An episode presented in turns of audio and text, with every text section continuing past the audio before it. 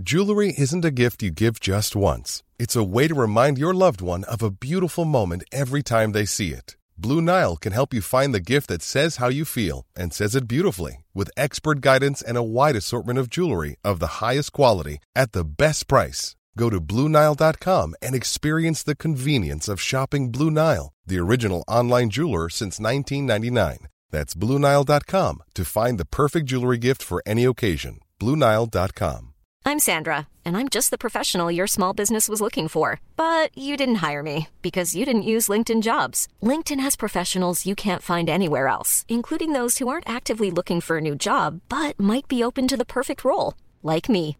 In a given month, over 70% of LinkedIn users don't visit other leading job sites. So if you're not looking on LinkedIn, you'll miss out on great candidates like Sandra. Start hiring professionals like a professional. Post your free job on linkedin.com/people today. Mom deserves the best, and there's no better place to shop for Mother's Day than Whole Foods Market. They're your destination for unbeatable savings, from premium gifts to show-stopping flowers and irresistible desserts. Start by saving 33% with Prime on all body care and candles. Then get a 15-stem bunch of tulips for just $9.99 each with Prime. Round out Mom's menu with festive rosé, irresistible berry chantilly cake, and more special treats. Come celebrate Mother's Day at Whole Foods Market. Vi är denna vecka sponsrade av Indie Beauty. Och Sofie, det här tycker jag är extra fint och extra roligt. Ja men Indie Beauty är ju ett skönhetsvarumärke som jag tror att väldigt många känner till, men det jag älskar mest, det är att Indie Beauty liksom vill vara mer än bara produkter, vilket de ju också är. Exakt, Indie Beauty står ju för Independent Beauty, skönhet på dina villkor och för din egen skull. Och Indie Beauty tror ju stenhårt på ett alternativt skönhetsideal fritt från måsten, skam och känslor av otillräcklighet. Där är jag helt med Indie Beauty. Jag med. Det är så jag vill att skönhet ska vara. Ja men verkligen. Och vet du vad som är nytt för i år Sofie? Berätta. Från och med i år så skänker Indie Beauty 1% av sin försäljning till Suicide Zero, Tjejzonen och Djurens Rätt. Så när man handlar produkter från Indie Beauty så kan man liksom känna att man också ger tillbaka till samhället. Ja, kraften i tillsammans. Ska jag säga en sak nu då, som Mm. jag, det, men det är detta jag är extra glad över. Nu har Indie Beauty tagit fram en keps och den tycker jag ändå så på sommaren, skydda sig från solen, Jättebra, jag älskar kepsen. men det bästa, de bidrar till Suicide Zeros viktiga arbete för att minska antalet självmord och självmordsförsök. Så för varje såld keps så går hela vinsten, 100 kronor, direkt till Suicide Zero. Då kan man liksom göra nytta både för samhället och sin hud på en och samma gång. Ja, och kepsen kostar 169, men alltså hela vinsten går då som sagt till Suicide Zero. Så om man vill göra skillnad när man är där ute i solen, nu när den börjar titta fram, då ska man välja den här kepsen. Den säljs exklusivt på indiebeauty.se och på Apotea. Tillsammans kan vi skapa en ljusare framtid. Vi ses med kepsarna på! Tack Indie Beauty. Vi är sponsrade av Mindler och som ni säkert vet sedan tidigare så är vi ju ute på psykologresan tillsammans. Men hur vet man egentligen när det är dags att söka hjälp? Ibland uppstår saker i livet som kommer utmana oss och kännas tufft. Det mesta självläker vi oss igenom, för vi är menade att ta oss igenom en viss mängd påfrestningar. Men ibland behöver man professionell hjälp för att ta sig ur jobbiga perioder i livet. Men vart går då gränsen? Vad är en del av livets skavighet och när är det läge att söka hjälp? Det sägs till exempel att stress är farligt, men att det också kan vara bra. Alla sover dåligt ibland, så när har man egentligen sömnproblem? Ångesten kommer väl krypande för de flesta någon gång. Så när ska man se ångesten som outhärdlig? Hur vet jag? Med oss som psykolog har vi såklart min gamla psykolog Linnea Seidbrant. Men Linnea, vad är egentligen utmattningssyndrom? Utmattningssyndrom är en konsekvens av svår och långvarig stress utan möjlighet till återhämtning. Vi är ju då skapta för att klara av stress, men vi behöver också återhämtning. Om du utsätts för för mycket stress under en lång period utan att du får till den nödvändiga återhämtningen så kommer kroppen till slut att säga ifrån. Och det är faktiskt så att alla har en gräns. Du kan drabbas av en rad fysiska eller psykiska besvär som trötthet, sömnproblem, hjärtklappning, besvär från magen och tarmarna och mycket annat. Och det här är ju då varningssignaler och tecken på att du kan behöva göra någonting åt din situation. Annars så kan besvären utvecklas till att du mår så dåligt på sikt att du blir psykiskt och fysiskt utmattad. Ladda ner Mindler till din telefon och läs mer på mindler.se.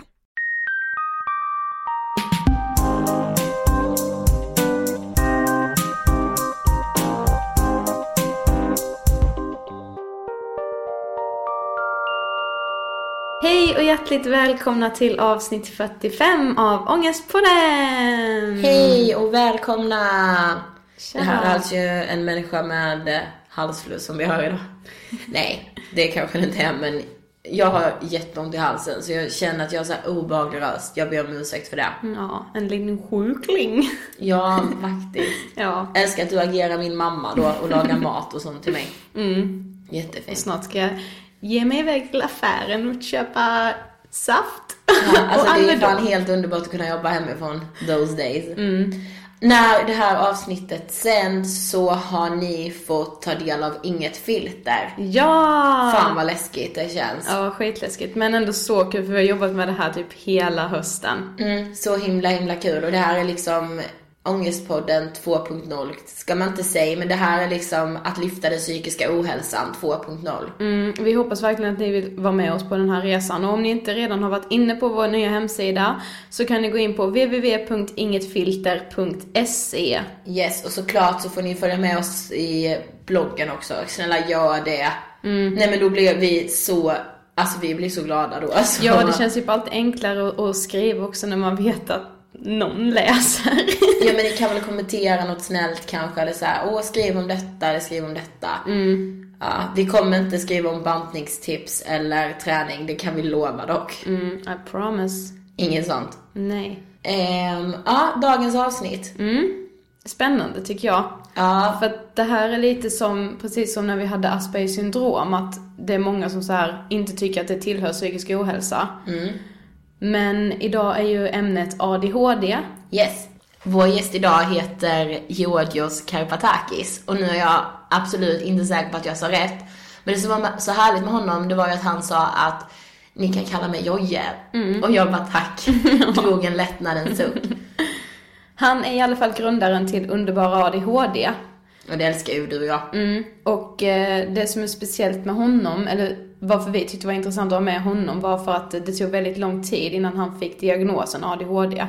Så hel, mycket av hans liv präglades ju av psykisk ohälsa just för att han inte fick diagnos. Ja, jag skulle säga det också trots att det var väldigt mycket som tydde på att det kanske var ADHD så gjorde man aldrig den utredningen riktigt. Nej. Eh, han är så inspirerande. Jag blev så inspirerad, tagen, alltså berörd av hela vår intervju med honom. Mm, ja, jag med. Som vanligt inspirerad av våra gäster. Men Ja, men alltså vi har ju bara inspirerade gäster. Välkommen till Ångestpodden, vi med endast inspirerade gäster är vår nya slogan. ja. Okej, vet ni vad vi gör? Vi rullar intervjun med Jojje. Varsågoda.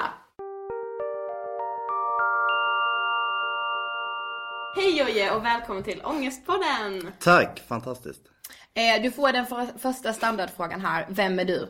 Vem är jag? Levande charader. Eh, nej, skämt åsido. Jag är en, eh, brukar jag säga, helt vanlig eh, 29-årig kille. Eh, som eh, har ADHD. Och eh, är född och uppvuxen i Täby. Bor i Täby norr om Stockholm. Jobbar och driver eh, något som heter Underbara ADHD. Vem är jag mer? Jag är halvgrek, jag är halvsvensk som jag sa precis innan vi satte på eh, inspelningsknappen här. Så är min svenska sida från Småland och Öland. Och min eh, pappa kommer från eh, Rhodos och bor på Rhodos. Så jag är lite svensk och lite grek i ett liksom. Två i ett. Yes. Vad är din första tanke eller känsla när du hör ordet ångest? svårt att andas. Eh, jag säger det för att jag alltid, nu med facit i hand så tror jag att jag hade ångest i väldigt, väldigt många år. Jag kan fortfarande ha lite ångest då och då. Eh, och haft svårt att andas ordentligt. Liksom. Ta djupa andetag eh, förknippar jag med ångest. Att man inte kan göra det. Och det eh, idag kan jag andas mycket bättre eh, och mycket lättare. Så jag tror att jag har mindre ångest idag än vad jag hade för 10-15 år sedan. Men just svårt att andas är, är det som jag förknippar allra främst med. Mm. Och men jag är också det. Verkligen. Så här, eh, just när jag tänker, för jag har haft panikångest. Då blir det verkligen så här, när jag tänker ångest, då kan inte jag andas liksom. Nej. Så det var intressant att du sa det. Jag vet inte om jag har haft panikångest. Alltså en, ibland, jag är dålig på det där. Men ibland när jag läser om det så tror jag att jag har haft panikångestattacker utan att veta om det. Mm. Eh, men jag, ja. Så jag har nog haft lite all, all möjlig eh, typ av ångest. Ja. Tror jag. Ja. I don't know. Men... Jo, men du är ju här idag för att vi ska prata ADHD. Yes. Eh, och vi läste på Vårdguiden och där står det att ADHD är en neuropsykiatrisk funktionsnedsättning. Ja. Men vad, alltså, vad står ADHD för? Eh, för det första, jag brukar säga det när jag föreläser, brukar jag säga så här. Den där benämningen som man har på, på alla de här diagnoserna som ingår i det spektrat. Mm. Neuropsykiatriska funktionsnedsättningar. Då brukar jag säga så här. Vad är det för jävla ord? För jag hatar det. Eh, av många olika anledningar. För att jag tycker det är, ja det, vi funkar ju inte som alla andra. Eh, någon, en person som har en, en NPF-diagnos. Men vi är ju inte, varför måste det vara nedsättning? Eh, och varför måste det vara något annorlunda? Kan man inte prata om att det är en eh, neuropsykiatrisk funktionsvariation eller sådär? Mm. Det är det första. Men ADHD står för Attention Deficit Hyperactivity Disorder. Eh, det betyder i korthet att eh, att man har vissa svårigheter helt enkelt eh, som beror på olika saker. Men man har eh, svårt med överaktivitet, eh, impulskontroll och eh, uppmärksamhetsproblem. Och i de här svårigheterna så döljer det sig ju ja, tusen massa olika saker men det kanske vi kommer in på. Mm, det gör vi.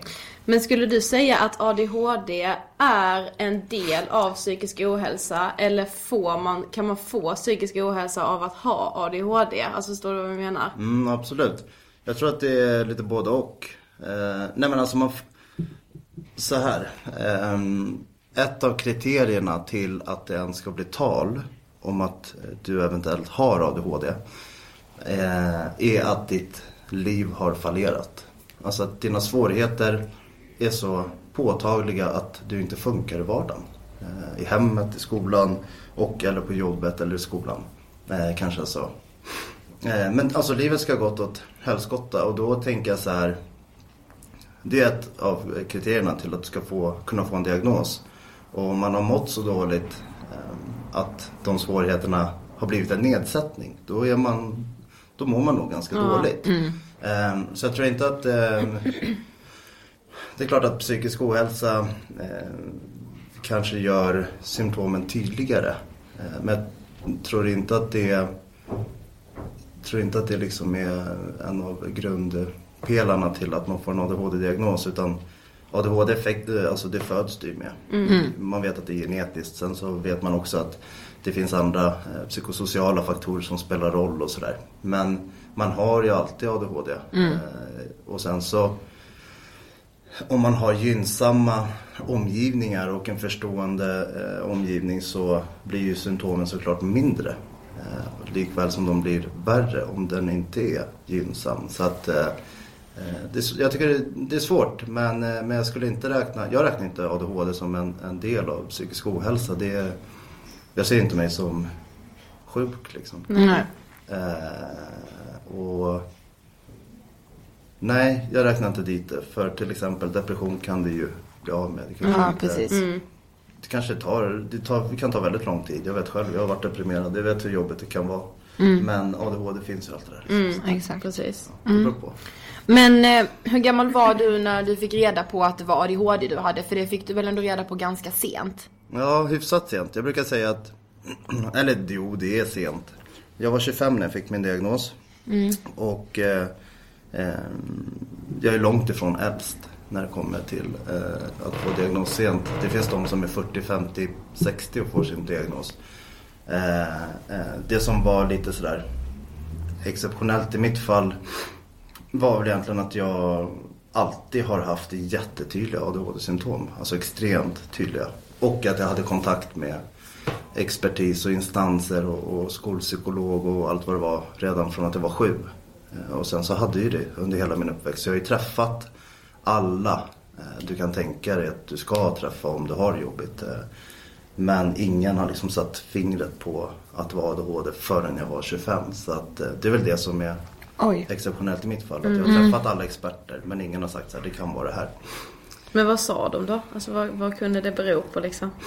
Ja, men det var lite allt möjligt. Eh, Jag tror att man började med att eh, bara se på mig som den här clownen i klassen som hade svårt att sitta still och ville eh, röra runt och, och göra allt annat än att gå i skolan. Eh, Jag tror att jag sattes i det bråkiga facket liksom med killar eh, som, som gillar att stöka och bråka typ. Och sen så nöjde man sig med det. Eh, Men eh, ja, det var så tror jag att man gjorde i skolan. Sen tror jag att eh, SOS och eh, resursteamet som jag träffade i eh, när jag var ungdom. Eh, resursteamet hade ju som infallsvinkel att jag mådde dåligt för att min pappa bodde i Grekland. Alltså mina föräldrar skilde sig när jag var fyra. Sen har jag haft en fantastisk extra pappa sedan jag var sex. Eh, och, ja, han är inte min pappa by blood men det är ändå min pappa. Men resursteamet eh, de, de eh, hade infallsvinkeln att jag var ledsen liksom, för att min farsa bodde i Grekland. Och visst var jag det men det var inte därför jag var som jag var. Nej. Så att det var lite olika infallsvinklar från, eh, beroende på instans. Liksom. Det leder lite in på nästa fråga, för du sa i ditt sommarprat att du under din uppväxt kände dig lite så här identitetslös och frustrerad och besviken och ledsen. Kan, berodde det på just det här med att man liksom inte ville sätta en diagnos på det? Att man typ försökte hitta andra orsaker till varför du var som du var? Jag tror det, eller jag tror så här, jag tror omvärldens oförmåga att ge mig svar på vem jag var eh, gjorde att jag kände mig identitetslös. För att jag, jag har alltid vetat att jag är annorlunda. Alltså jag, jag har känt det sedan dag ett på allt. Jag är fortfarande jätte eh, annorlunda. Eh, men eh, jag tror att det var så att eh, Alltså min familj har alltid varit magisk mot mig. Jag har världens bästa familj. De har alltid stöttat mig i allt och gett mig jättemycket kärlek och, och haft tydliga krav, förväntningar och konsekvenser. Alltså det har varit bra. Men där så, hemma blev jag, Eh, fick jag veta hur klok och smart och charmig och, och intelligent jag är. Och sen så i skolan så var det tvärtom. Att jag var den här bråkiga som, killen som inte kunde koncentrera sig, inte kunde prestera. Så jag hade liksom två olika sidor typ av mig själv. Och jag visste inte vem utav de här jag var. Är jag den här kloka fina människan som mina nära och kära säger att det är? Eller är jag den här stökiga bråkiga killen som, som skolan säger att det är? Eh, och därför tror jag att jag alltid kände mig tom. Så här, vem är jag på riktigt? Eh, och när, ju mer jag fallerade, desto mer dåligt samvete och dåligt mådde jag eh, för att jag skadade dem som jag älskar. Så att det blev liksom en ond cirkel där jag stod mitt i och inte visste vem jag var. Varför jag var annorlunda. Jag visste att jag var det men jag visste inte varför. Eh, och jag tror att det var det, eller jag är ju med facit i hand är helt övertygad om att det var det som gjorde att jag kände mig så jävla identitetslös och dålig och eh, ja, misslyckad och värdelös när jag växte upp. Att jag, jag visste ju inte vem jag var. Liksom. Nej, det är inte så Jag- konstigt. Nej precis, och jag tror att många kan känna igen sig i det. Eh, väldigt mycket. Eh, det leder också in lite på nästa fråga. För vi, en annan sak som vi verkligen älskade i ditt sommarprat, det var när du sa att eh, jag är inte lagom, lagom är inte jag. Eh, jag vet inte, det var någonting i det som verkligen kändes så här. Ja men så fint på något sätt. Men är det så det alltid har känts för dig? Alltså att var det så här i skolan kan jag tänka mig att lärare försökte tona ner det eller så här, du, du måste ta, lugna ner dig eller så här. Alltså är det så det alltid har känts? Ja, visst. alltid. Och det är samma, det har alltid känts så. Jag har aldrig varit lagom, jag kommer aldrig vara det. Jag vet inte hur man gör lagom. Alltså jag brukar säga det när jag föreläser att jag kan inte göra saker lagom. Antingen jobba extremt mycket eller ingenting. Antingen så eh, äter jag jättemycket eller så äter jag ingenting. Köper jag ett kilo godis när jag går hem en fredag och vill kräkas efter att jag ätit 30 av de här godisarna. Så äter jag ändå hela kilot för att det finns där. Jag kan, jag har inte den här, jag har inte det här filtret. Eh, Jag har inga, jag har inga stopp liksom. Och jag är inte lagom, jag har aldrig varit det, jag kommer aldrig bli det. Men i skolan så, på min tid var det inte, jag vet inte hur mycket det är anpassat nu, men det var inte anpassat efter någon som inte är lagom. Eh, när jag gick i skolan. Eh, så jag hamnade lätt i skottgluggen liksom och fick eh, ta mycket skit för att jag var väldigt hyperaktiv och, och inte kunde sitta still i en skolbänk i 5-6 timmar. Liksom. Men du, du säger att du fick ta mycket skit och så, men hade du något stöd från skolan? Alltså fick du typ prata med kuratorn eller så här, blev det någon psykolog som var inkopplad? Alltså, eller var det bara så att du var stökig och allmänt odräglig i klassen? Nej men eh, jo, jag fick träffa alla. Eh, som sagt, när jag var sju så träffade jag rektorn första gången. Då hade jag fått min lärare att börja grina. Eh, för att jag var så jobbig. Eh, alltså värt att säga bara, jag, så, jag såg så, ibland kan jag känna den här känslan som jag hade när jag skulle börja i skolan. Och den är magisk. Jag tyckte det var så jäkla roligt att börja skolan. För jag älskar än idag att utmanas och utvecklas och lära mig nya saker och känna att jag blir smartare. Eh, Men det, det föll ganska snabbt och då med min rastlöshet och, och hyperaktivitet så blev jag väldigt jobbig och det ledde till att jag fick träffa både rektor eh, som skickade mig vidare till psykolog, skolpsykolog. Sen hade jag kontakt med skolpsykolog under hela låg och mellanstadiet. Och på högstadiet hade jag också kontakt med skolpsykolog, eh, kurator, terapeuter, you name it. Eh, rektorer, polis, eh, SOS och alla de här. Eh, så jag har alltid, ja, jag har alltid fått stöd inom citationstecken.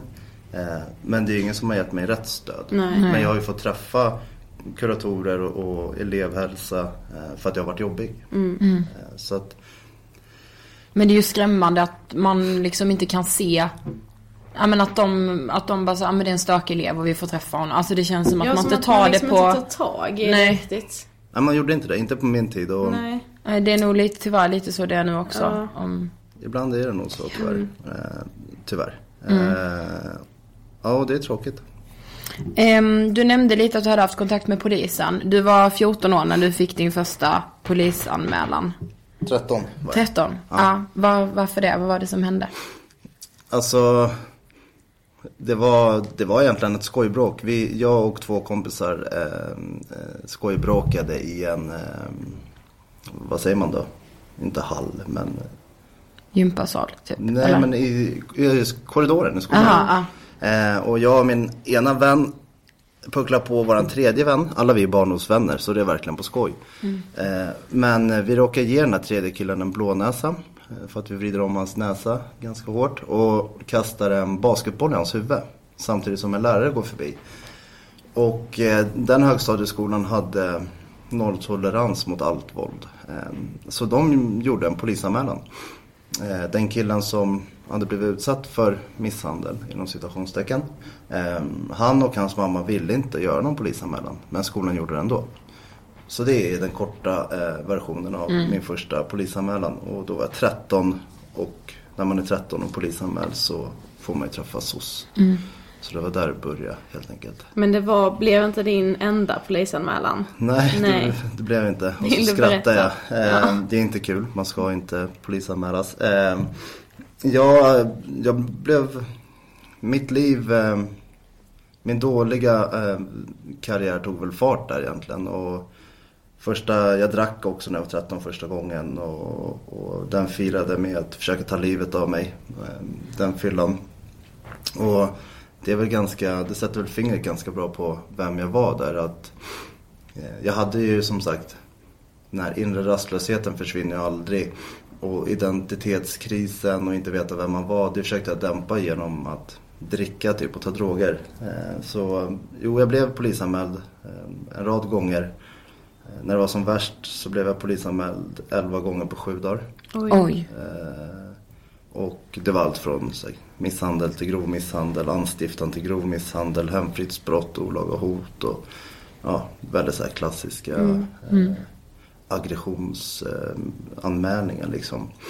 Jag hade problem med humöret och temperamentet och jag, ja, jag vet inte. Hade, jag- jag vet, med facit i hand så vet jag inte om om jag hade fått hjälp och diagnos tidigare så kanske jag hade gjort det här ändå. Det vet inte jag. Eh, men, och jag vet inte hur mycket de här anmälningarna och mina erfarenheter har att göra med att jag inte fick diagnos. Jag bara konstaterar att jag har levt ett halvbra liv liksom. Mina erfarenheter har, eller de är både bra och dåliga. Eh, och polisanmälningarna tillhör väl inte mina, mina bästa Nej, erfarenheter. Men det är likväl erfarenheter och, och man lär sig av allt Mm. man gör på gott och ont. Liksom. Jag kan tänka mig att det blir så att man tänker, men tänk om jag hade fått en diagnos tidigare eller alltså tänk om man hade gått in och gjort någonting åt det. Att man tänker att saker kanske hade sett annorlunda ut då liksom. Ja, jag tvingas tänka på det där ibland när jag föreläser för jag får ofta den frågan. Mm. Hur tror du att det hade sett ut om, om du hade fått hjälp tidigare? Och då säger jag, det är, det är så otroligt svårt att veta. För jag hade nog inte varit här. Jag hade nog inte grundat underbar ADHD. Jag vet inte om jag hade fått för mig en sommar att söka ett treårigt universitetsprogram i Kalmar i media och kommunikation och sen börjat göra det och sen göra klart det i Stockholm och tagit en examen i media och kommunikation. Det hade jag nog inte gjort. Eh, Jag kanske inte hade träffat min, eh, en tjej som jag blev otroligt kär i förr. Så det är svårt att tänka så här, eh, vad hade det varit bättre om jag hade fått hjälp tidigare? Jag vet inte. Jag, jag är ganska, det kanske låter konstigt, jag är ganska nöjd, jag är ganska nöjd med att jag har gått igenom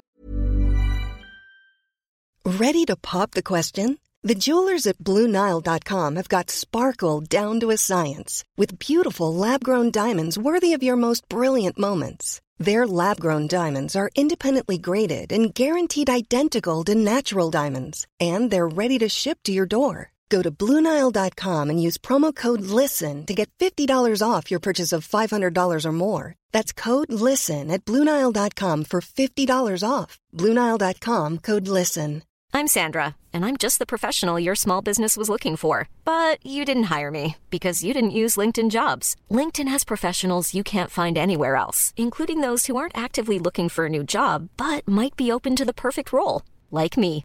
In a given month, over 70% of LinkedIn users don't visit other leading job sites. So if you're not looking on LinkedIn, you'll miss out on great candidates like Sandra. Start hiring professionals like a professional. Post your free job on linkedin.com/people today. Even when we're on a budget, we still deserve nice things. Quince is a place to scoop up stunning high-end goods for 50 to 80% less than similar brands.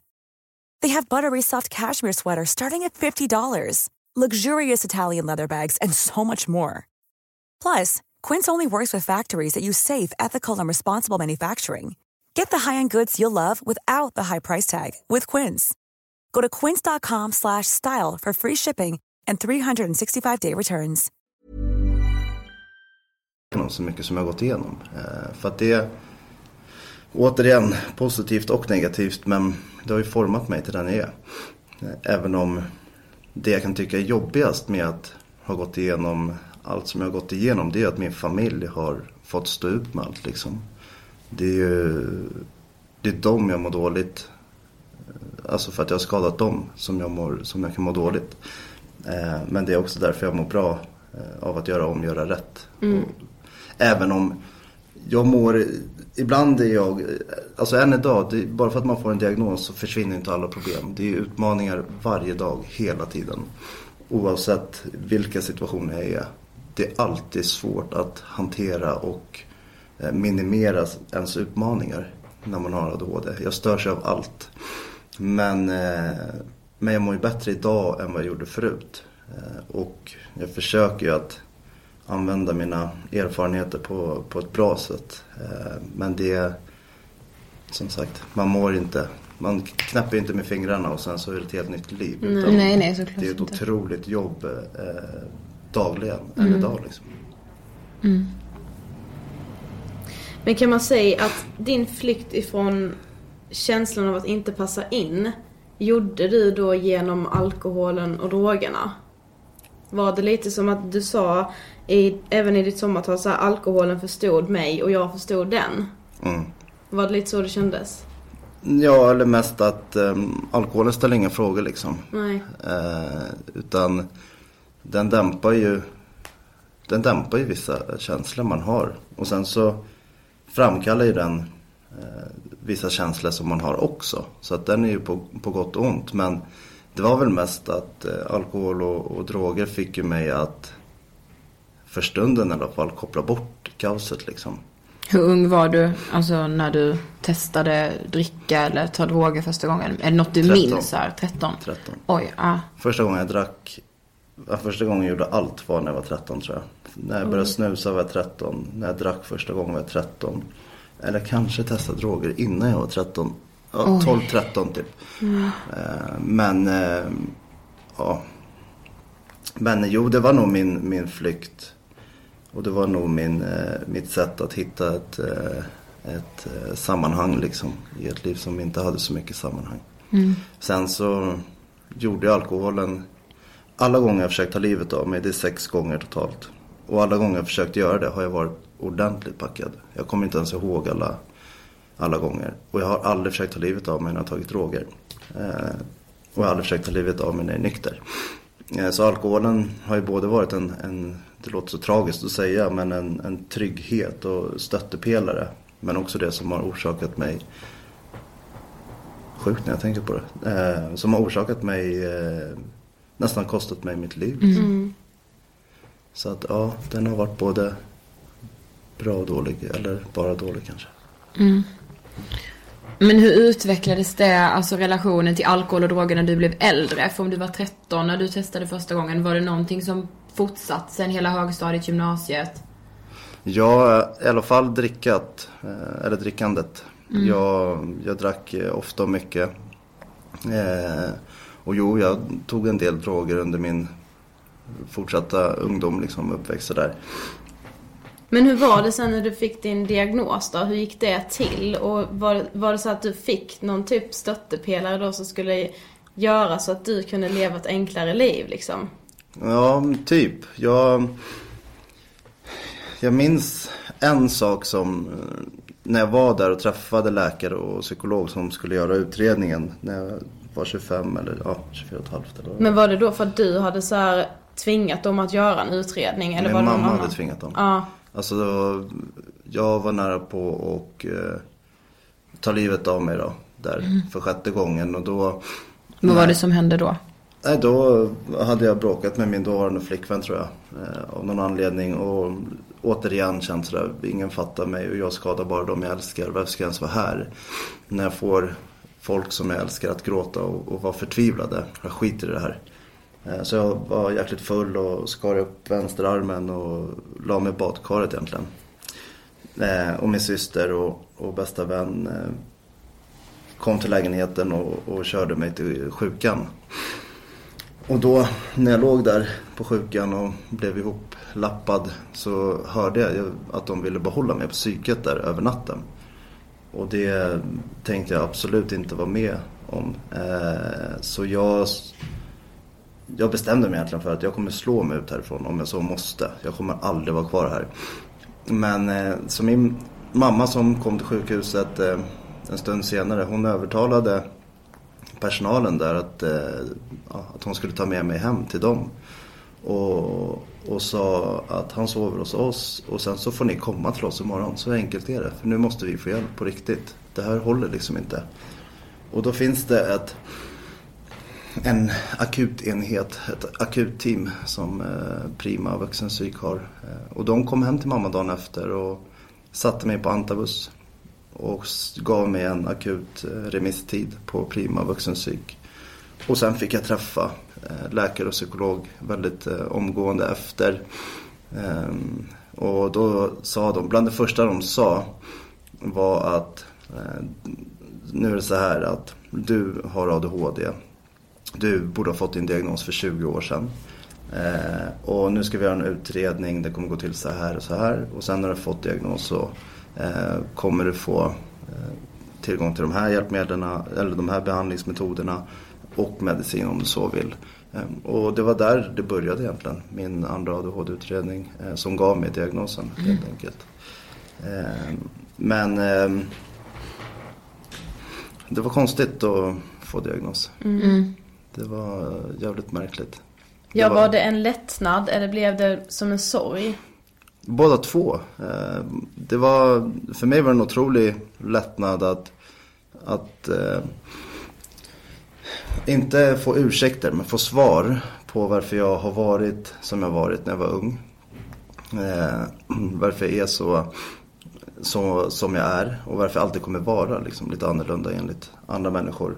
Det var jätteskönt att få veta. Sen var det jättejobbigt att få svar på varför man är som man är. Mm. Och så var det jättejobbigt att få svar som jag visste att folk runt omkring kommer se som en ursäkt. Mm. Eh, och jag har alltid, sen jag fick min diagnos så har jag avskytt att man skyller på sin ADHD. För att det, det gör man bara inte. Jag, som sagt, jag har gjort det jag har gjort. Jag står för det jag har gjort. Eh, och jag tänker inte eh, klandra min ADHD eller eventuella dåvarande ADHD för det. Utan jag bara konstaterar att det har hänt. Men det var svårt att eh, få svaren för jag vet att folk runt omkring skulle eh, ja, säga att jag använder det som en ursäkt och det ville inte jag. Mm. Eh, Så första åtta, nio månaderna med, med diagnosen och med att testa och ställa in medicin och sådär. Det var riktigt jobbigt. Eh, Och sluta med att jag gick in i väggen och blev sjukskriven för depression. Eh, Och eh, ja, hamnade i helt fel umgängeskretsar och återigen bara mådde, ett, eh, mådde dåligt och levde ett destruktivt liv. Eh, Så jag blev sjukskriven för depression. Och eh, ja, i samma veva fick min mamma cancer. eh, Som jag blev sjukskriven för depression. Och var nära på att stryka med i ja, tre gånger på tio dagar typ. Oj. Oj. Och det var, nej men det var jobbigt. Det var en otroligt jobbig period och, och ehm, ja, jättekonstigt att, att få svar och sen så må dåligt och sen så har mamma som mår dåligt. Och sen började jag må bra efter ett tag, efter några månader sjukskriven. Eh, och hamnade på en, en premiärvisning av en film som heter Jag har ADHD och som bara fick mig att vakna upp och se att ja, men ADHD kan vara fruktansvärt men det kan också vara helt magiskt. Eh, och en diagnos kan ju som sagt ge svar och kan ju också, det är ju inte slutet utan det kan ju få en att eh, minimera utmaningarna och liksom, ja, jag, så, jag insåg att ADHD bara, både kan vara gott och, och ont. Eh, och då kände jag för första gången i mitt liv att jag hade en samhörighet med någon. Liksom. Att det finns andra som är som jag. Och jag är, jag är smart när jag gör sånt som jag, som jag tycker om. Och när jag får förutsättningarna för att göra det som jag är bra på. Så då bestämde jag mig när jag satt där för att jag ville engagera mig och, och dela med mig av mina erfarenheter. Eh, för jag blev så hjälpt av att höra andras erfarenheter. Mm. Och då kände jag att om en person kan bli hjälpt och känna igen sig och känna hopp genom att höra mina erfarenheter, då vill jag göra det. Så jag gick hem och grundade, eller startade, eh, en blogg som hette Underbara ADHD. Alltså jag ryser nu. Jag med. Det är så, alltså det är så fett verkligen. Kul att det var vår nästa fråga. Berätta Ja. om underbara ADHD. Men berätta lite mer, vad gör underbara ADHD? Bara det namnet, alltså Ja, det är ju liksom... det är underbart. Ja, det är Det är fint.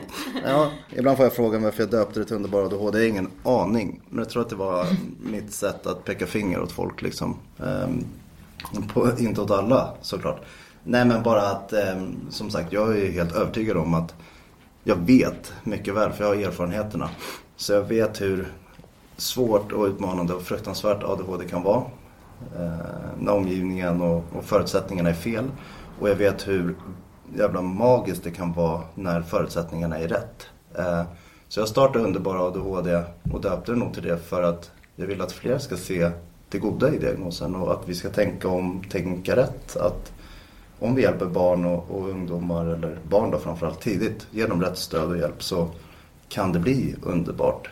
Sen så kommer det som sagt, det, varje dag är det utmaningar och tufft men det kan också, man kan göra mer bra saker om man får rätt förutsättningar. Mm. Så det vill vi göra och, och det gör vi.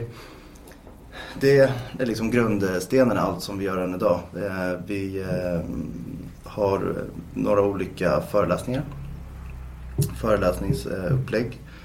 Vi eh, har en teaterföreställning som heter Julia jävla Jorgos som också är baserad på mina egna erfarenheter. Eh, har tagit fram en eh, webbkurs för eh, lärare och skola.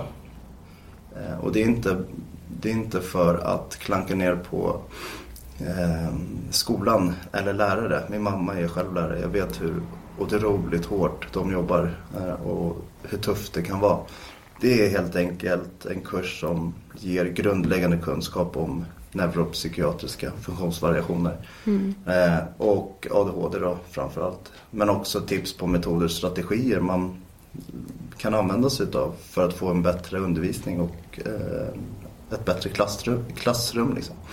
Wow. Ja, det känns så himla viktigt. För det Ja. känns som att man har typ en bild av att samhället är ändå ganska informerade om vad ADHD är. Men sen när det väl kommer till kritan så är det så här, men fast man vet inte hur man ska hantera Nej. ADHD liksom. Man vet vad det är. Det är så här, ja men, ja men någon som har damp typ, Ja, eller säger man. Äkta så Det är så säger äkta så här, Ja. när man är liten, ja men han har Ja. damp eller hon har damp. Men Ja. alltså det är så här, Ja, men det är många, jag brukar säga att eh, ja, medvetenheten har blivit högre. Alltså Mm. fler vet, känner till begreppet ADHD eller förkortningen diagnosen ADHD. Men jag säger fortfarande att kunskapen är låg. Mm. Och det är precis det som du säger. Att, eh, sen så är kunskapen extremt eh, mycket högre i professionen. Alltså inom eh, bland psykologer och psykiater och forskare och sådär. Vi har mycket bättre kunskap om diagnostik och behandling och, och sådär. Men eh, den kunskapen har liksom inte sipprat ut till hela samhället och, och det innebär, det ställer till det för många. Eh, och ja, som sagt, skolans värld är prioriterad för att barn spenderar jättemånga timmar. Majoriteten av timmarna, vakna timmar, är man i skolan. mm, ja Och då det, är det var ju viktigt som att man, man- bodde där. Ja men så är det ju. Ja. Och då tycker jag bara att det är viktigt att, ehm, att man har den grundläggande kunskapen som behövs. Och tan- tanken med den webbkursen är ju inte att lägga ytterligare en börda på skolpersonal utan det är ju, ser jag som en investering i, eh, i en själv och för att man ska få ett, eh, ja, men en bättre arbetsmiljö. Ja men Mm. Ja, snarare underlätta liksom. liksom. Underlätta för, för lärare. Ja, För att det, det finns ju inget krav i Det finns inget krav i Sverige idag att eh, en lärare eh, ska ha grundläggande kunskap i neuropsykiatriska funktionsnedsättningar. Det finns inget krav på det. Och för att ta en lärarlegitimation så är inte det heller ett krav. Eh, och då tänker jag att, det, att vi har hamnat lite efter där. För att det, vi har bättre kunskap om diagnostik och behandling och vi vet vad exempelvis barn med ADHD behöver för att det ska funka. Ehm, det behövs. Det finns ett barn med ADHD i varje klass, minst. Man brukar säga kanske två. Det är bara med ADHD. Sen finns det autism, Asperger, Tourettes och så vidare. Dyslexi sådär. Så um, nej, jag tycker nästan att det eller jag tycker att det ska vara ett krav att man har den grundläggande kunskapen. För ens egen skull och för dem som man undervisar. Ja. För barnen. Så att de ska få Verkligen. Mm. Det tycker jag också. rätt. Eh, Så. Och det är så viktigt. Ja, verkligen. Det är det verkligen. Skitbra. Eh, vi funderade på en sak som vi tycker är ganska intressant. Det känns som att på senaste tiden har det varit ganska mycket kända profiler som har gått ut i media och så här, ja ah, men jag har ADHD och det är bara en superkraft och ja men så här, vad, alltså, vad tänker du om det? Nej, jag tänker att det är... Alltså som gammal PR-konsult eh, så är jag lite eh, splittrad för all PR är inte bra PR. Men jag tycker att det är bra. Eh, jag gillar ju det där eh, när man kan ha förebilder och jag tror att många eh, blir hjälpta av att se att det går. Att, alltså missförstå mig rätt, men att man kan lyckas trots sin ADHD. Eller som jag brukar säga, man kan lyckas tack vare sin ADHD. Mm. Ehm, Så jag tycker det är viktigt eh, att folk pratar om det. Alltså prata om, om allt är ju A och O för att man ska kunna öka kunskapen. Sen eh, ska man inte, eller man ska akta sig för att eh, bara, alltså man kan, man kan inte prata om ADHD enbart från en superkraftsvinkel. Nej. För att det är återigen ett av kriterierna till att få en diagnos är att det har gått åt helvete. Och då förstår ju alla att man mår väldigt, väldigt dåligt ofta när man får en diagnos. Sen eh, kan man prata om det som är bra. Jag tror att man behöver prata om båda sakerna eh, alltid. Att eh, det är dagliga utmaningar. Även om jag är, säger att jag skulle vara jätteframgångsrik entreprenör så har jag ändå dagliga utmaningar. Eh, så jag tror det är viktigt att man pratar om det som är otroligt tufft hela tiden, varje dag. Och det som kan bli eh, en eh, ordentlig tillgång om man får rätt stöd och förutsättningar för att maximera det. Eh, Så jo, jag jag tror att jag var en av de första att benämna ADHD som en superkraft. Mm. Eh, och jag står för det. Jag tycker fortfarande att det är en superkraft. För när jag gör något som jag tycker är kul som sagt kan ingenting stoppa mig. Och det är ju, mina svårigheter är också mina otroliga tillgångar. Eh, men jag tycker att man ska, eller jag vet att man behöver få svaren och lära sig hantera och eh, kontrollera svårigheterna och hitta sina metoder som får livet att funka. Eh, som i mitt fall rutiner och struktur är A och O, annars funkar inte jag. Sen kan det bli en superkraft. Mm. Okej, sista frågan. Vad inspirerar dig? Den är svår den här frågan. eh, nej men det är intelligenta människor liksom. Intelligenta och drivna människor och, och eh, de som jag alltid tänker på när, när jag pratar om folk som intresserar mig är såklart min mamma mina systrar eh, och min eh, extra pappa. Och sen så inspireras jag otroligt mycket av människor som eh, går utanför den berömda boxen och gör sin grej. Bara följer sitt hjärta och gör det de vill utan att eh, ja, ens tänka. Liksom. Bara som är intelligenta och drivna och nyfikna på världen och, och vill göra bra saker. De människorna inspirerar mig. Så jäkla bra svar. Ja. det brukar bli bra Ja, svar. eller hur? Den är svår men det blir bra svar. Den är jättesvår. Ja.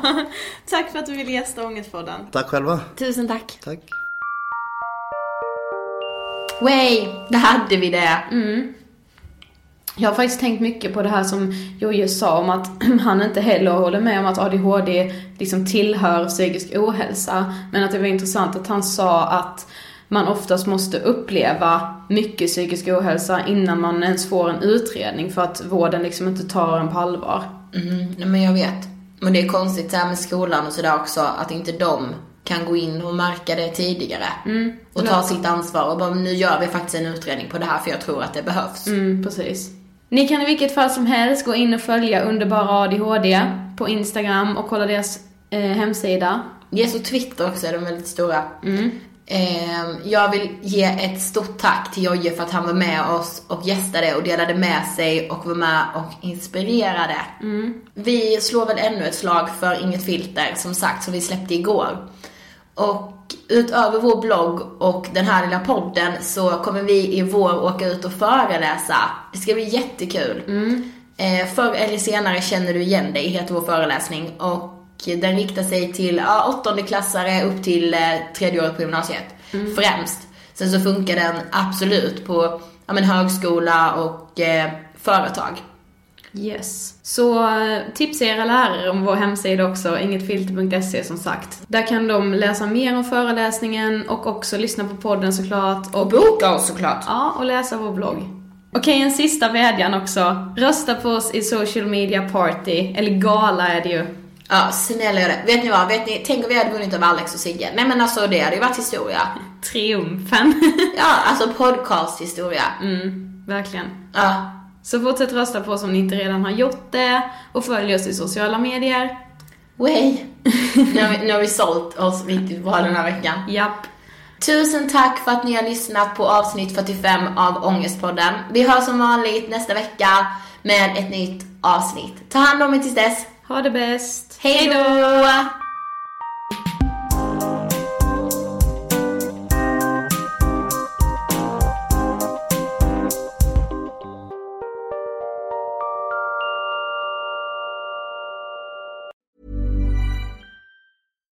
Hi, I'm Daniel, founder of Pretty Litter. Cats and cat owners deserve better than any old fashioned litter. That's why I teamed up with scientists and veterinarians to create Pretty Litter. Its innovative crystal formula has superior odor control and weighs up to 80% less than clay litter. Pretty Litter even monitors health by changing colors to help detect early signs of potential illness. It's the world's smartest kitty litter. Go to prettylitter.com and use code ACAST for 20% off your first order and a free cat toy. Terms and conditions apply. See site for details.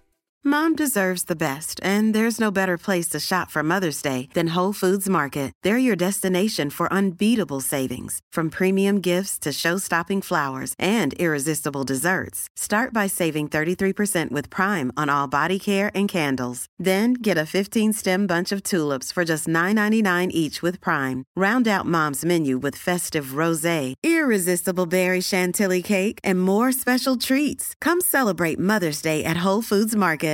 Imagine the softest sheets you've ever felt. Now imagine them getting even softer over time. That's what you'll feel with Bowl and Branch's organic cotton sheets. In a recent customer survey, 96% replied that Bowl and Branch sheets get softer with every wash. Start getting your best night's sleep in these sheets that get softer and softer for years to come. Try their sheets with a 30-night guarantee. Plus, get 15% off your first order at bowlandbranch.com. Code BUTTERY. Exclusions apply. See site for details.